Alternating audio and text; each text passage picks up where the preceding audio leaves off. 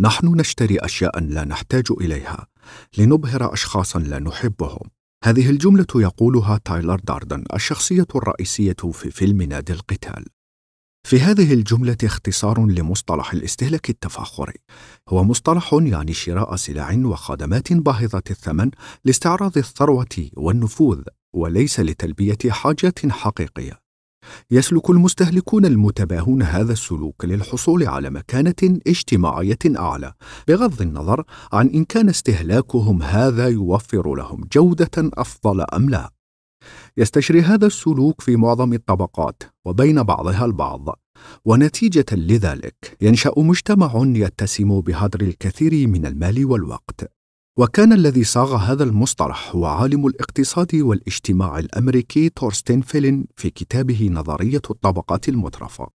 مصطلح الاستهلاك التفاخري استخدم اولا لوصف سلوك الطبقات الثرية لكن الدراسة التي أعدها علماء الاقتصاد كايرون تشارلز وإيريك هارست ونيكولاي روسانوفا تظهر أن هذا السلوك أكثر استشراء في الطبقات الاجتماعية الفقيرة وفي الاقتصادات الناشئة. ففي حالة هذه الطبقات يستخدم هذا النمط من الاستهلاك في إخفاء فقر الشخص أو انتمائه لطبقة متوسطة.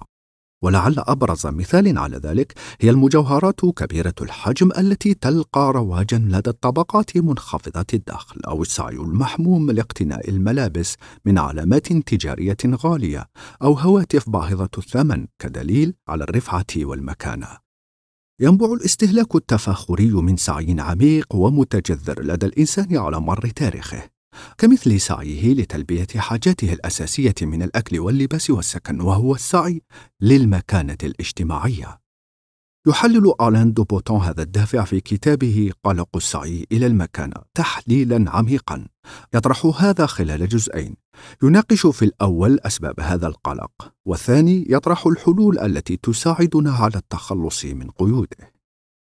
نشر الكتاب أولا بالإنجليزية سنة 2004 بعنوان ستيتوس أنزايتي وترجم إلى العربية سنة 2018 بعنوان قلق السعي إلى المكانة آلان دوبوتون هو كاتب وفيلسوف بريطاني سويسري المولد. تناقش مؤلفاته مختلف القضايا المعاصرة. هو كاتب في العديد من الصحف ويملك شركة إنتاج أفلام وثائقية. يمكن تعريف قلق المكان على أنه التوتر المستمر أو الخوف من أن ينظر إليه المجتمع على أنه غير ناجح من الناحية المادية. نلاحظ اليوم أن كل فرد يحاول باستمرار التفوق على الآخرين لتسلق السلم الاجتماعي. يقول آلين دوبوتون أن الدافع الحقيقي وراء رغبتنا في التقدم هو سعينا إلى الحب، ليس الحب الرومانسي ولكن الشعور بأن وجودنا مهم. لذلك اعتبر أن المال والسلطة والشهرة والنفوذ ما هي إلا وسائل لاقتناء هذا الشعور وليست غاية أو هدف كما ندعي. يكون البحث عن المكانة في الواقع يتعلق بالاحترام. لماذا الحب مهم جدا؟ ولماذا القسوة مدمره جدا؟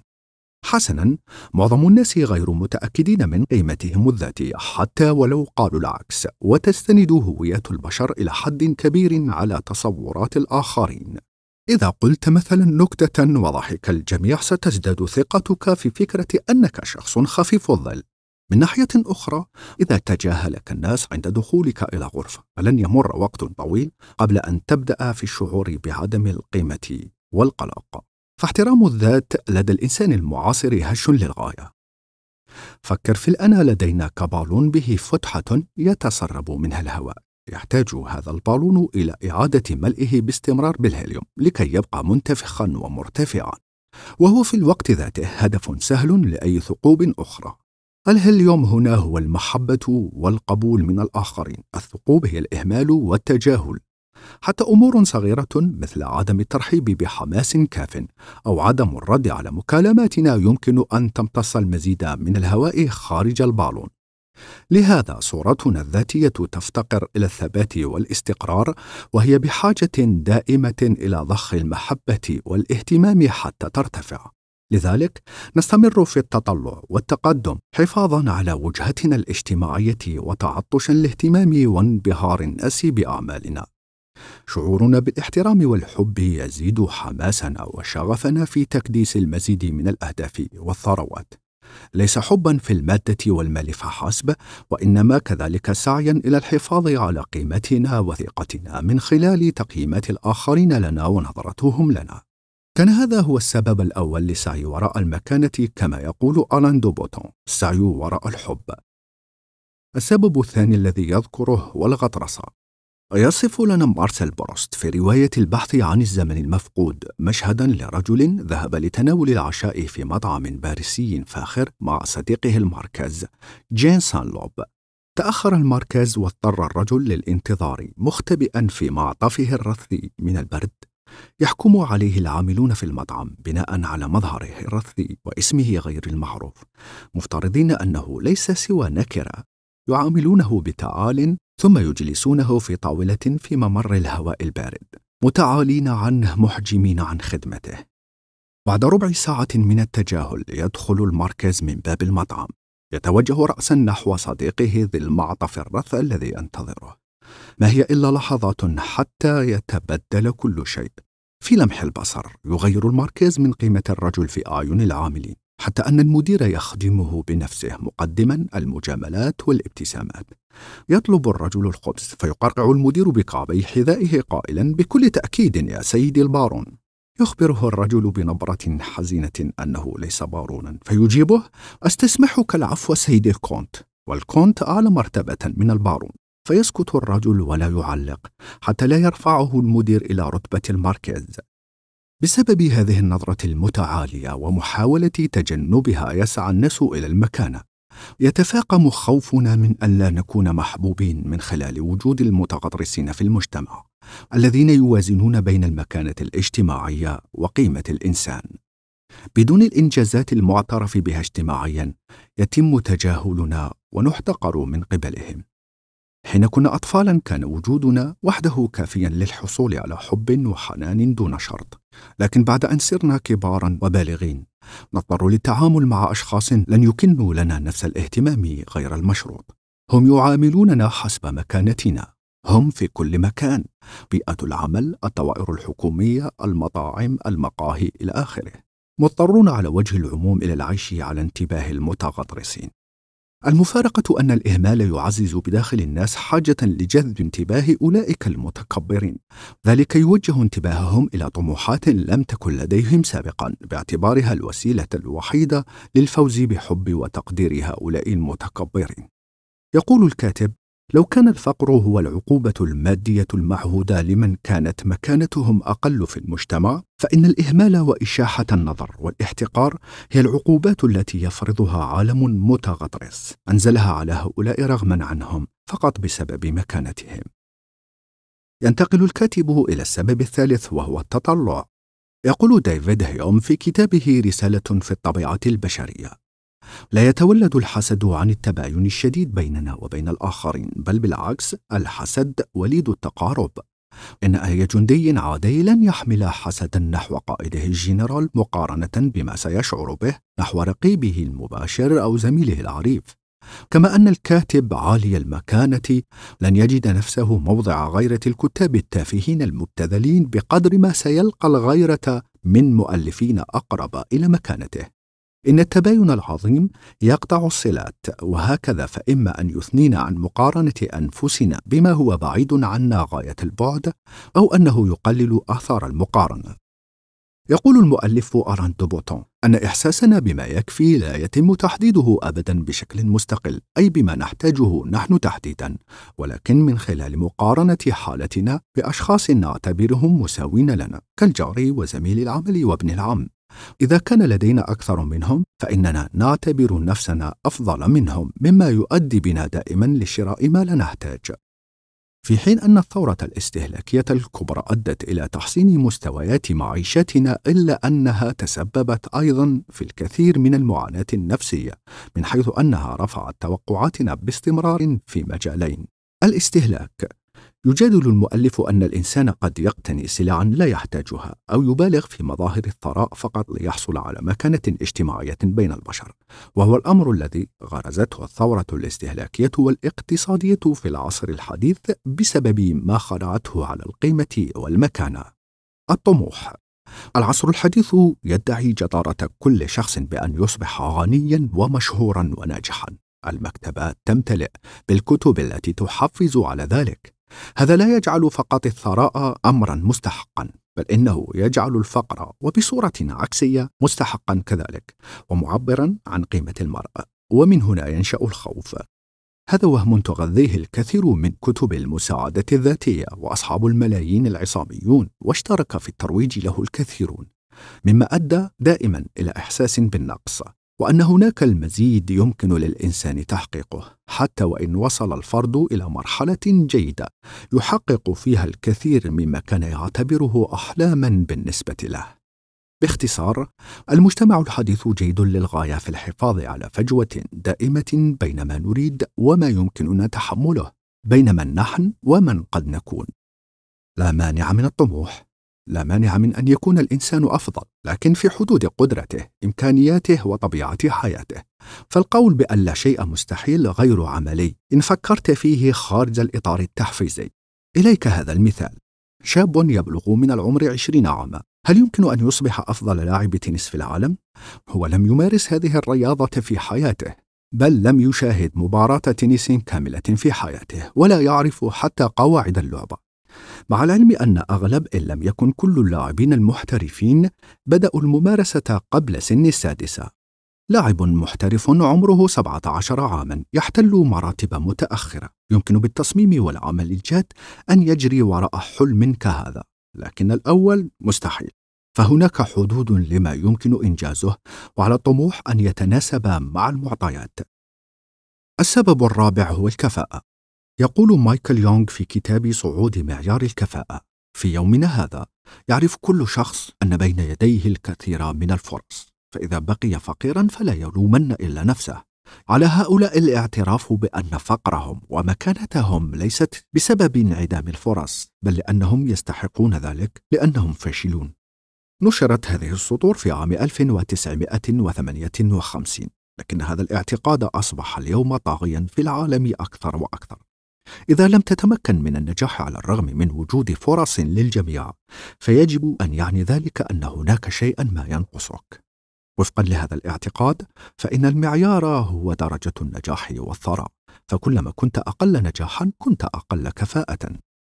إذا كان الناجحون يستحقون نجاحهم فإن الفاشلين يجب أن يستحقوا فشلهم حتى أن الكثيرين أصبحوا يتكلمون صراحة أنه ما دام لدى الجميع القدرة على تحقيق النجاح اعتمادا على جهودهم فإن العمل السياسي لمساعدة الطبقات الأدنى لا معنى له إلا مكافأة الفشل. لم يعد الكثير من الناس يتعاطفون مع من هم أدنى منهم مرتبة لأنهم ببساطة يشعرون أن هؤلاء يستحقون ما هم فيه. ما دام الجميع قادرين على النجاح في ظل هذا المناخ والرأي المكانة الاجتماعية هي انعكاس قوي لصفات كل الناس في السلم فالظروف تكفل النجاح لمن يستحق والتعثر والسقوط لمن لا يستحق يقول دوبوتون إلى جانب معاناة الفقر أضاف نظام الكفاءة الآن مهانة الخزي والشعور بالنقص. السبب الخامس كما يقول الكاتب هو الاعتماد. يقول دوبوتون: القلق هو دائما ما يتبع الطموح. وهناك خمسة عوامل صعبة التوقع تتوقف عليها أمورنا ودخلنا بشكل خاص، والاحترام الذي نناله. فأول سؤال يطرح علينا عند تعرفنا على أحدهم هو ماذا تعمل؟ في الغالبية من الأوقات تتم معاملتنا حسب إجابتنا وهذه العوامل الخمسة هي مبررات وجيهة لكي لا نطمئن بالمرة إلى بلوغنا المنصب المنشود أو الاحتفاظ به في سلم المناصب. في ظل اقتصاد سريع الحركة وغير مؤكد ومتغير هذه العوامل الخمسة هي الاعتماد على الموهبة المتقلبة. يقول الكاتب إنه لا يمكننا في أغلب النشاطات توجيه موهبتنا كما نريد. فقد تسطع الموهبة لبرهة ثم تخبو دون سابق إنذار ولا اعتذار. الاعتماد على الحظ. مكانتنا تعتمد على مجموعة من الظروف المواتية يمكن تعريفها بالحظ. فقد يكون هذا وحده ما يضعنا في الوظيفة المناسبة في الوقت المناسب. الاعتماد على صاحب العمل. تشتد درجة عجز الناس عن التوقع الدقيق لما سيطرأ على ظروفهم عندما تكون مكانتهم مرتبطة تماما بأولويات من يعملون عندهم. حيث أن أولويات صاحب العمل تحدد وضعهم وتقدمهم. في أمريكا مثلا نصف مليون شخص فقدوا وظائفهم بين عام 1980 و 1995 بسبب ماكينات الصرف الآلي أو تي إم كما تعرف. لأن أولوية أصحاب المصارف كانت السرعة وزيادة الأرباح. الاعتماد على ربحية صاحب العمل لا يتوقف الأمان الوظيفي على أولويات صاحب العمل فحسب بل يعتمد أيضا وبدرجة أشد تهديدا على استمراره في تحقيق الربح الوسيلة الأسرع والأنجع التي تلجأ إليها إدارة الشركات لتحقيق الربح هي طرد العاملين أو تخفيض العمالة بأسلوب أكثر تحضرا إن شئت. علاوة على كل هذا فإن بقاء كل من الشركات والعاملين فيها مرهون بأداء الاقتصاد عامة. هذا هو العامل الخامس من عوامل الاعتماد. إن الرسوم البيانية لحالات ارتفاع وانخفاض الاقتصاد تشبه صور مجموعة من الجبال ذات القمم الحادة، في سفح كل منها حالات إفلاس وتسريح عمال وإغلاق مصانع إلى آخره.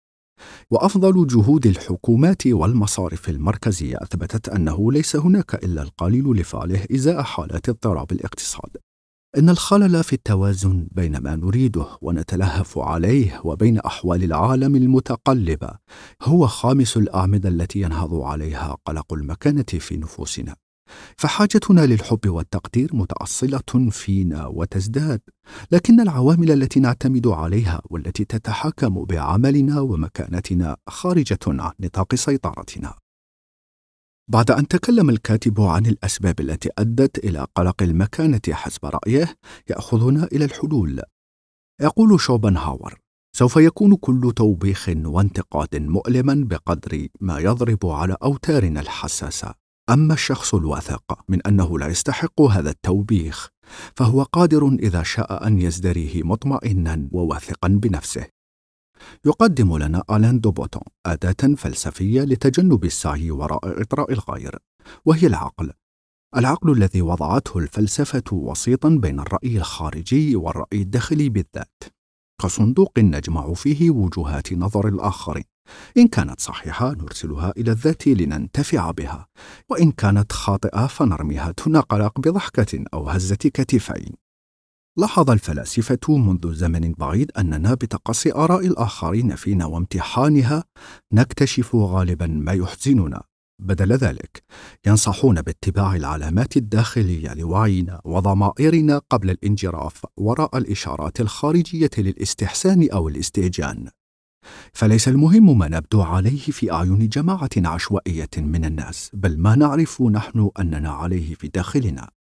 في كتاب أرسطو علم الأخلاق أمثلة عن الحدود القصوى والدنيا للسلوك البشري والسلوك الطبيعي الذي يجب أن يكون عليه الشخص.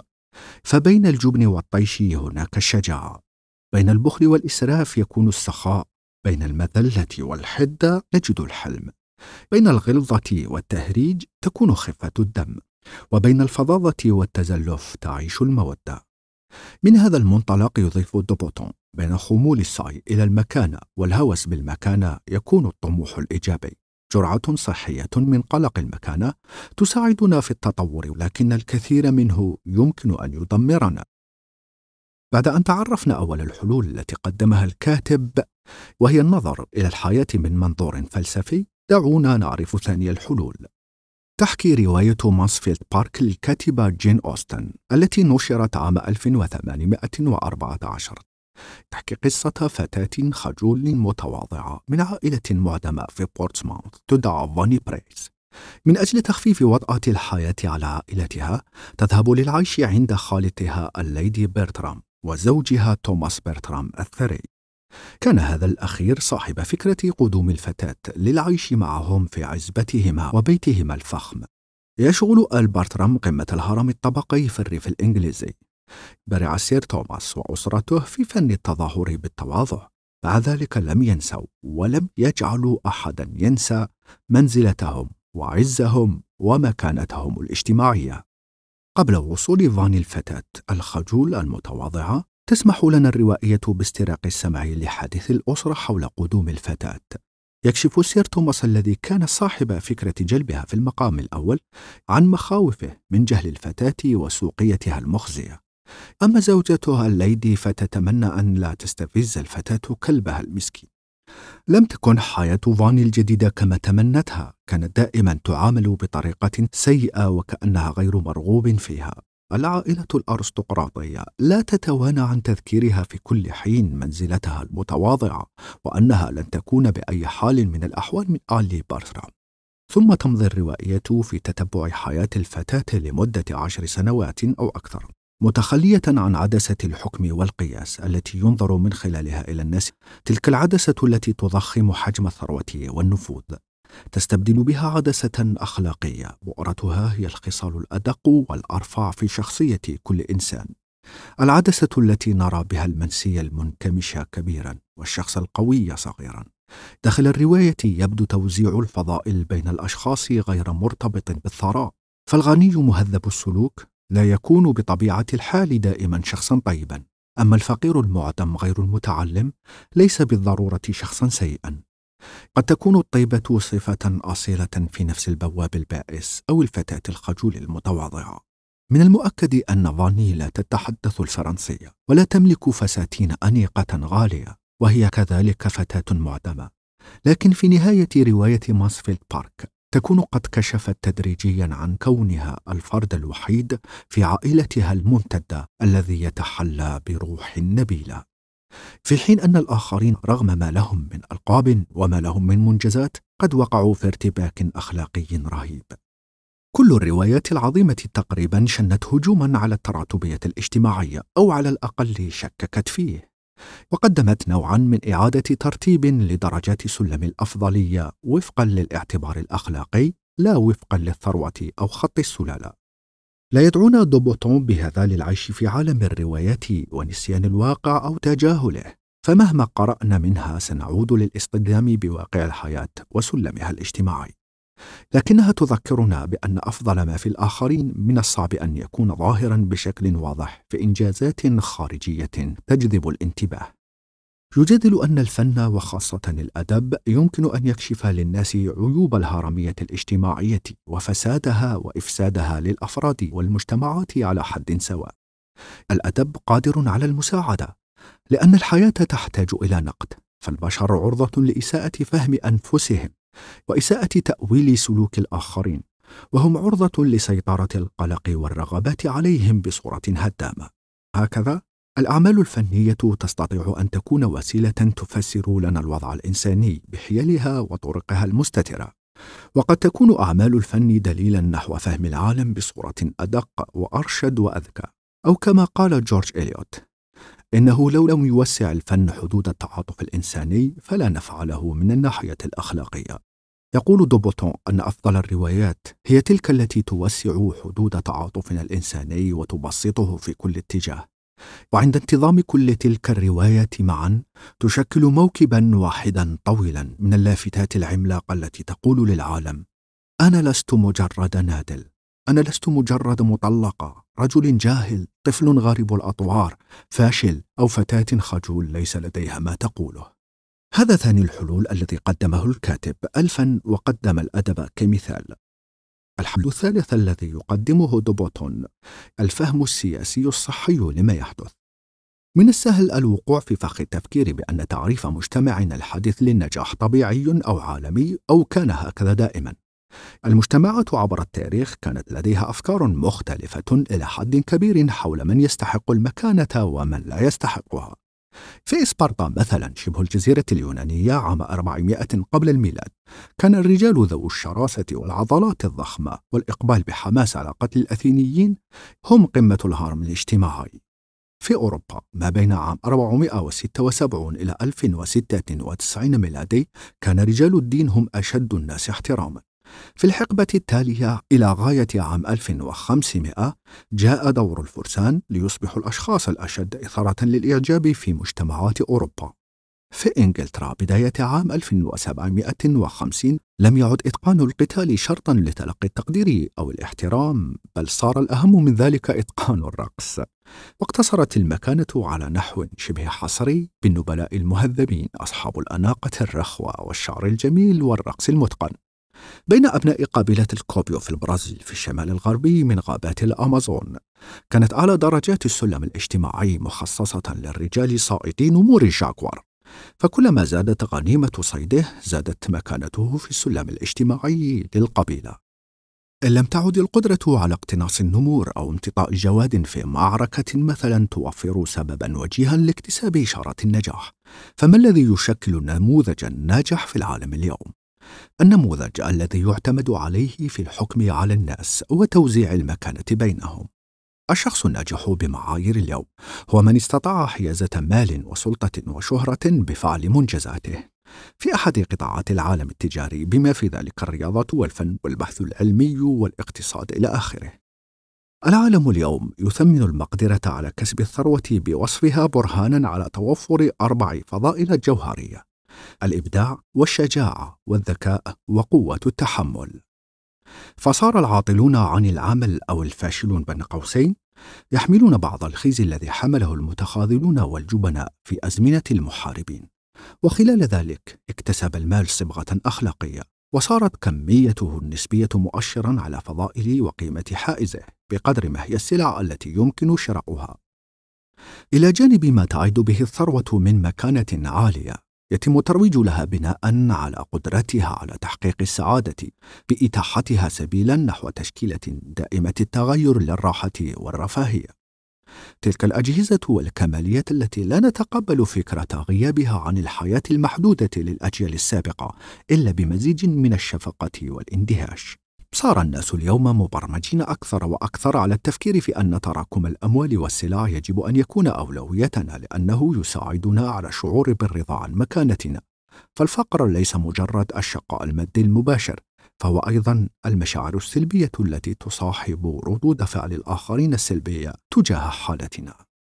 يقول الكاتب الإقبال المتحمس على النزعة المادية والتجارة والمضاربة ونظام الجدارة الذي يتشبع به الإعلام لزمننا إنما يعكس مصالح أولئك الذين يتحكمون بالنظام الذي تكسب الغالبية العظمى عيشها من خلاله. فهمنا لكل هذا لا يمنع ما يسببه نظام المكانة هذا لنا من قلق واضطراب لكن الفهم على الأقل يستطيع أن يعلمنا أشياء مفيدة حول أفضل السبل للتعامل مع تلك المشكلات. وبذلك يقلل الفهم بنسبة كبيرة إحساس الإضطهاد ومشاعر السلبية والارتباك التي تنتابنا لولاه وبطموح كبير قد يكون الفهم أيضا أول خطوة نحو محاولة تغيير النماذج المثالية للمجتمع والسعي لصنع عالم ستقل فيها احتمالات التنازل عن الشرف والأخلاق النبيلة لصالح المكانة. بعد ذلك وعلى جانب مختلف وبعيد يرى دوبوتو أن التفكير في الموت قد يرشدنا جيدا للحياة. في رواية موت إيفان إليتش وهي رواية قصيرة للأديب الروسي ليو تولستوي. تناول فيها تيمة الموت. وانتقد خلالها تولستوي تفاهة حياة الطبقات المتوسطة للمجتمعات التي تلت الثورة الصناعية. تسرد الرواية حياة موظف ناجح اجتماعيا حيث كان البطل إيفان قاضيا لكنه كان منسحقا تحت وطأة انشغاله بالمكانة. ثم كيف يحول احتضار بطيء كل ذلك إلى وعي مؤلم بتفاهة حياته وبزيف علاقاته الأسرية والاجتماعية. لقد فاز بالاحترام لأنه كان قاضيا وابا موسرا لكن حينما أوشك كل ذلك على التبدد لم يعد بوسعه الاعتماد على حب أحد فترك لكربه ومخاوفه. وكان أشد ما قاساه من عذاب أنه ما من أحد منحه ما كان يتعطش إليه من شفقة وعطف. كان لدى تولستوي فهم حاد للموت. سأل نفسه مرة بعد شهرته البالغة حينما أدرك أنه لم يعش حياته وفقا لقيمه الخاصة أو وفقا للقيم التي وضعها الله. بل عاش وفقا لقيم المجتمع الذي أضرم فيه رغبة لا تهدأ بأن يصبح أقوى من الآخرين لكن مواجهته لفكرة الموت شككته في صحة وفعالية أهدافه السابقة في عمله اعتراف يقول الأديب الروسي تولستوي لا بأس سنمتلك أراضي ومئات الأحصنة وماذا بعد؟ ستكون أشهر من جوجول وبوشكين أو شكسبير أو من جميع كتاب العالم فما نفع هذا؟ لكن فيما يبدو أن الإجابة الأخيرة التي أسكتت أسئلته كما يخبرنا دوبوتون هي الله. إن استحضار الموت قادر على فتح بصيرتنا على أولويتنا الحقيقية. بأهم الأشياء لدينا يشجعنا على تقليل اهتمامنا بأحكام الآخرين وآرائهم. الموت يمنح أفئدتنا القيمة الأكبر التي تستحق أن نحيا لأجلها. وقد يعطينا بعض الراحة من قلق المكانة لأننا مهما عانينا من النسيان والتجاهل ومهما حظي آخرون بالسلطة والتبجيل فإن مآلنا واحد. مآلنا سوف ينتهي في آخر المطاف إلى التراب. فكرة الموت كما يخبرنا دوبوتون تعيد ترتيب أولوياتنا عن طريق الابتعاد عن العالم الدنيوي والإقتراب من البعد الروحي. يرى دوبوتون أنه من خلال تأمل فكرة مغزى الحياة من منظور الموت. سنجد تأكيدا صادما على أهمية المحبة والإحسان والعلاقات الاجتماعية الصادقة.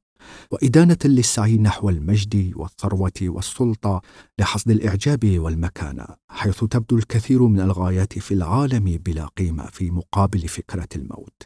بمعنى آخر لا داعي للتصنع أو القلق بشأن تقييمات الناس وثنائهم. فالثروة والتقدير والسلطة تشتري لنا نوعا من الاحترام لا يدوم إلا بدوام مكانتنا الاجتماعية. فإننا حينها سنمتلك سببا واضحا لكي نركز طاقتنا على تلك العلاقات التي ستبقى على ما يرام حتى بعد أن تبلى مواقعنا الاجتماعية. أخيرا عزيزي يقول الكاتب في عالم مثالي سنكون أشد مناعة إزاء تلك المؤثرات الخارجية. فلن نهتز سواء تلقينا التجاهل أو الانتباه الإعجاب أو التسفيه. إذا امتدحنا شخص وهو غير صادق فلن نسلم أنفسنا للغواية دون استحقاق. وإذا أجرينا تقييما نزيها لمواطن قوتنا وحكمنا بأنفسنا على قيمتنا الخاصة فلن يجرحنا افتراض الآخرين بأننا بلا شأن. أرجو ألا أكون قد أطلت عليكم. كنت معكم أنا سعيد ولد محمد وأرجو جميعا لكم التوفيق ودمتم رائعين.